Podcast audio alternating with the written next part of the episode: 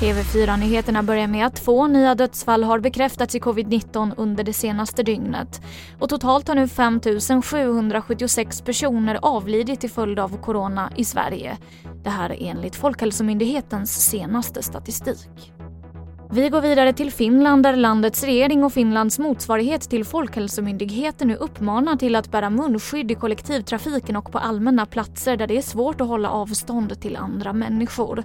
Och rekommendationen gäller till personer över 15 år.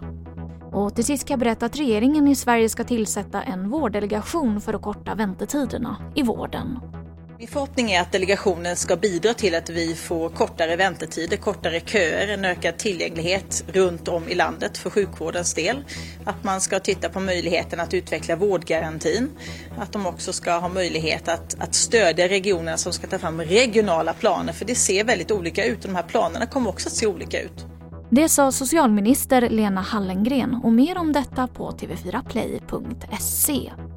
Och det var det senaste från TV4 Nyheterna. Jag heter Emily Olsson.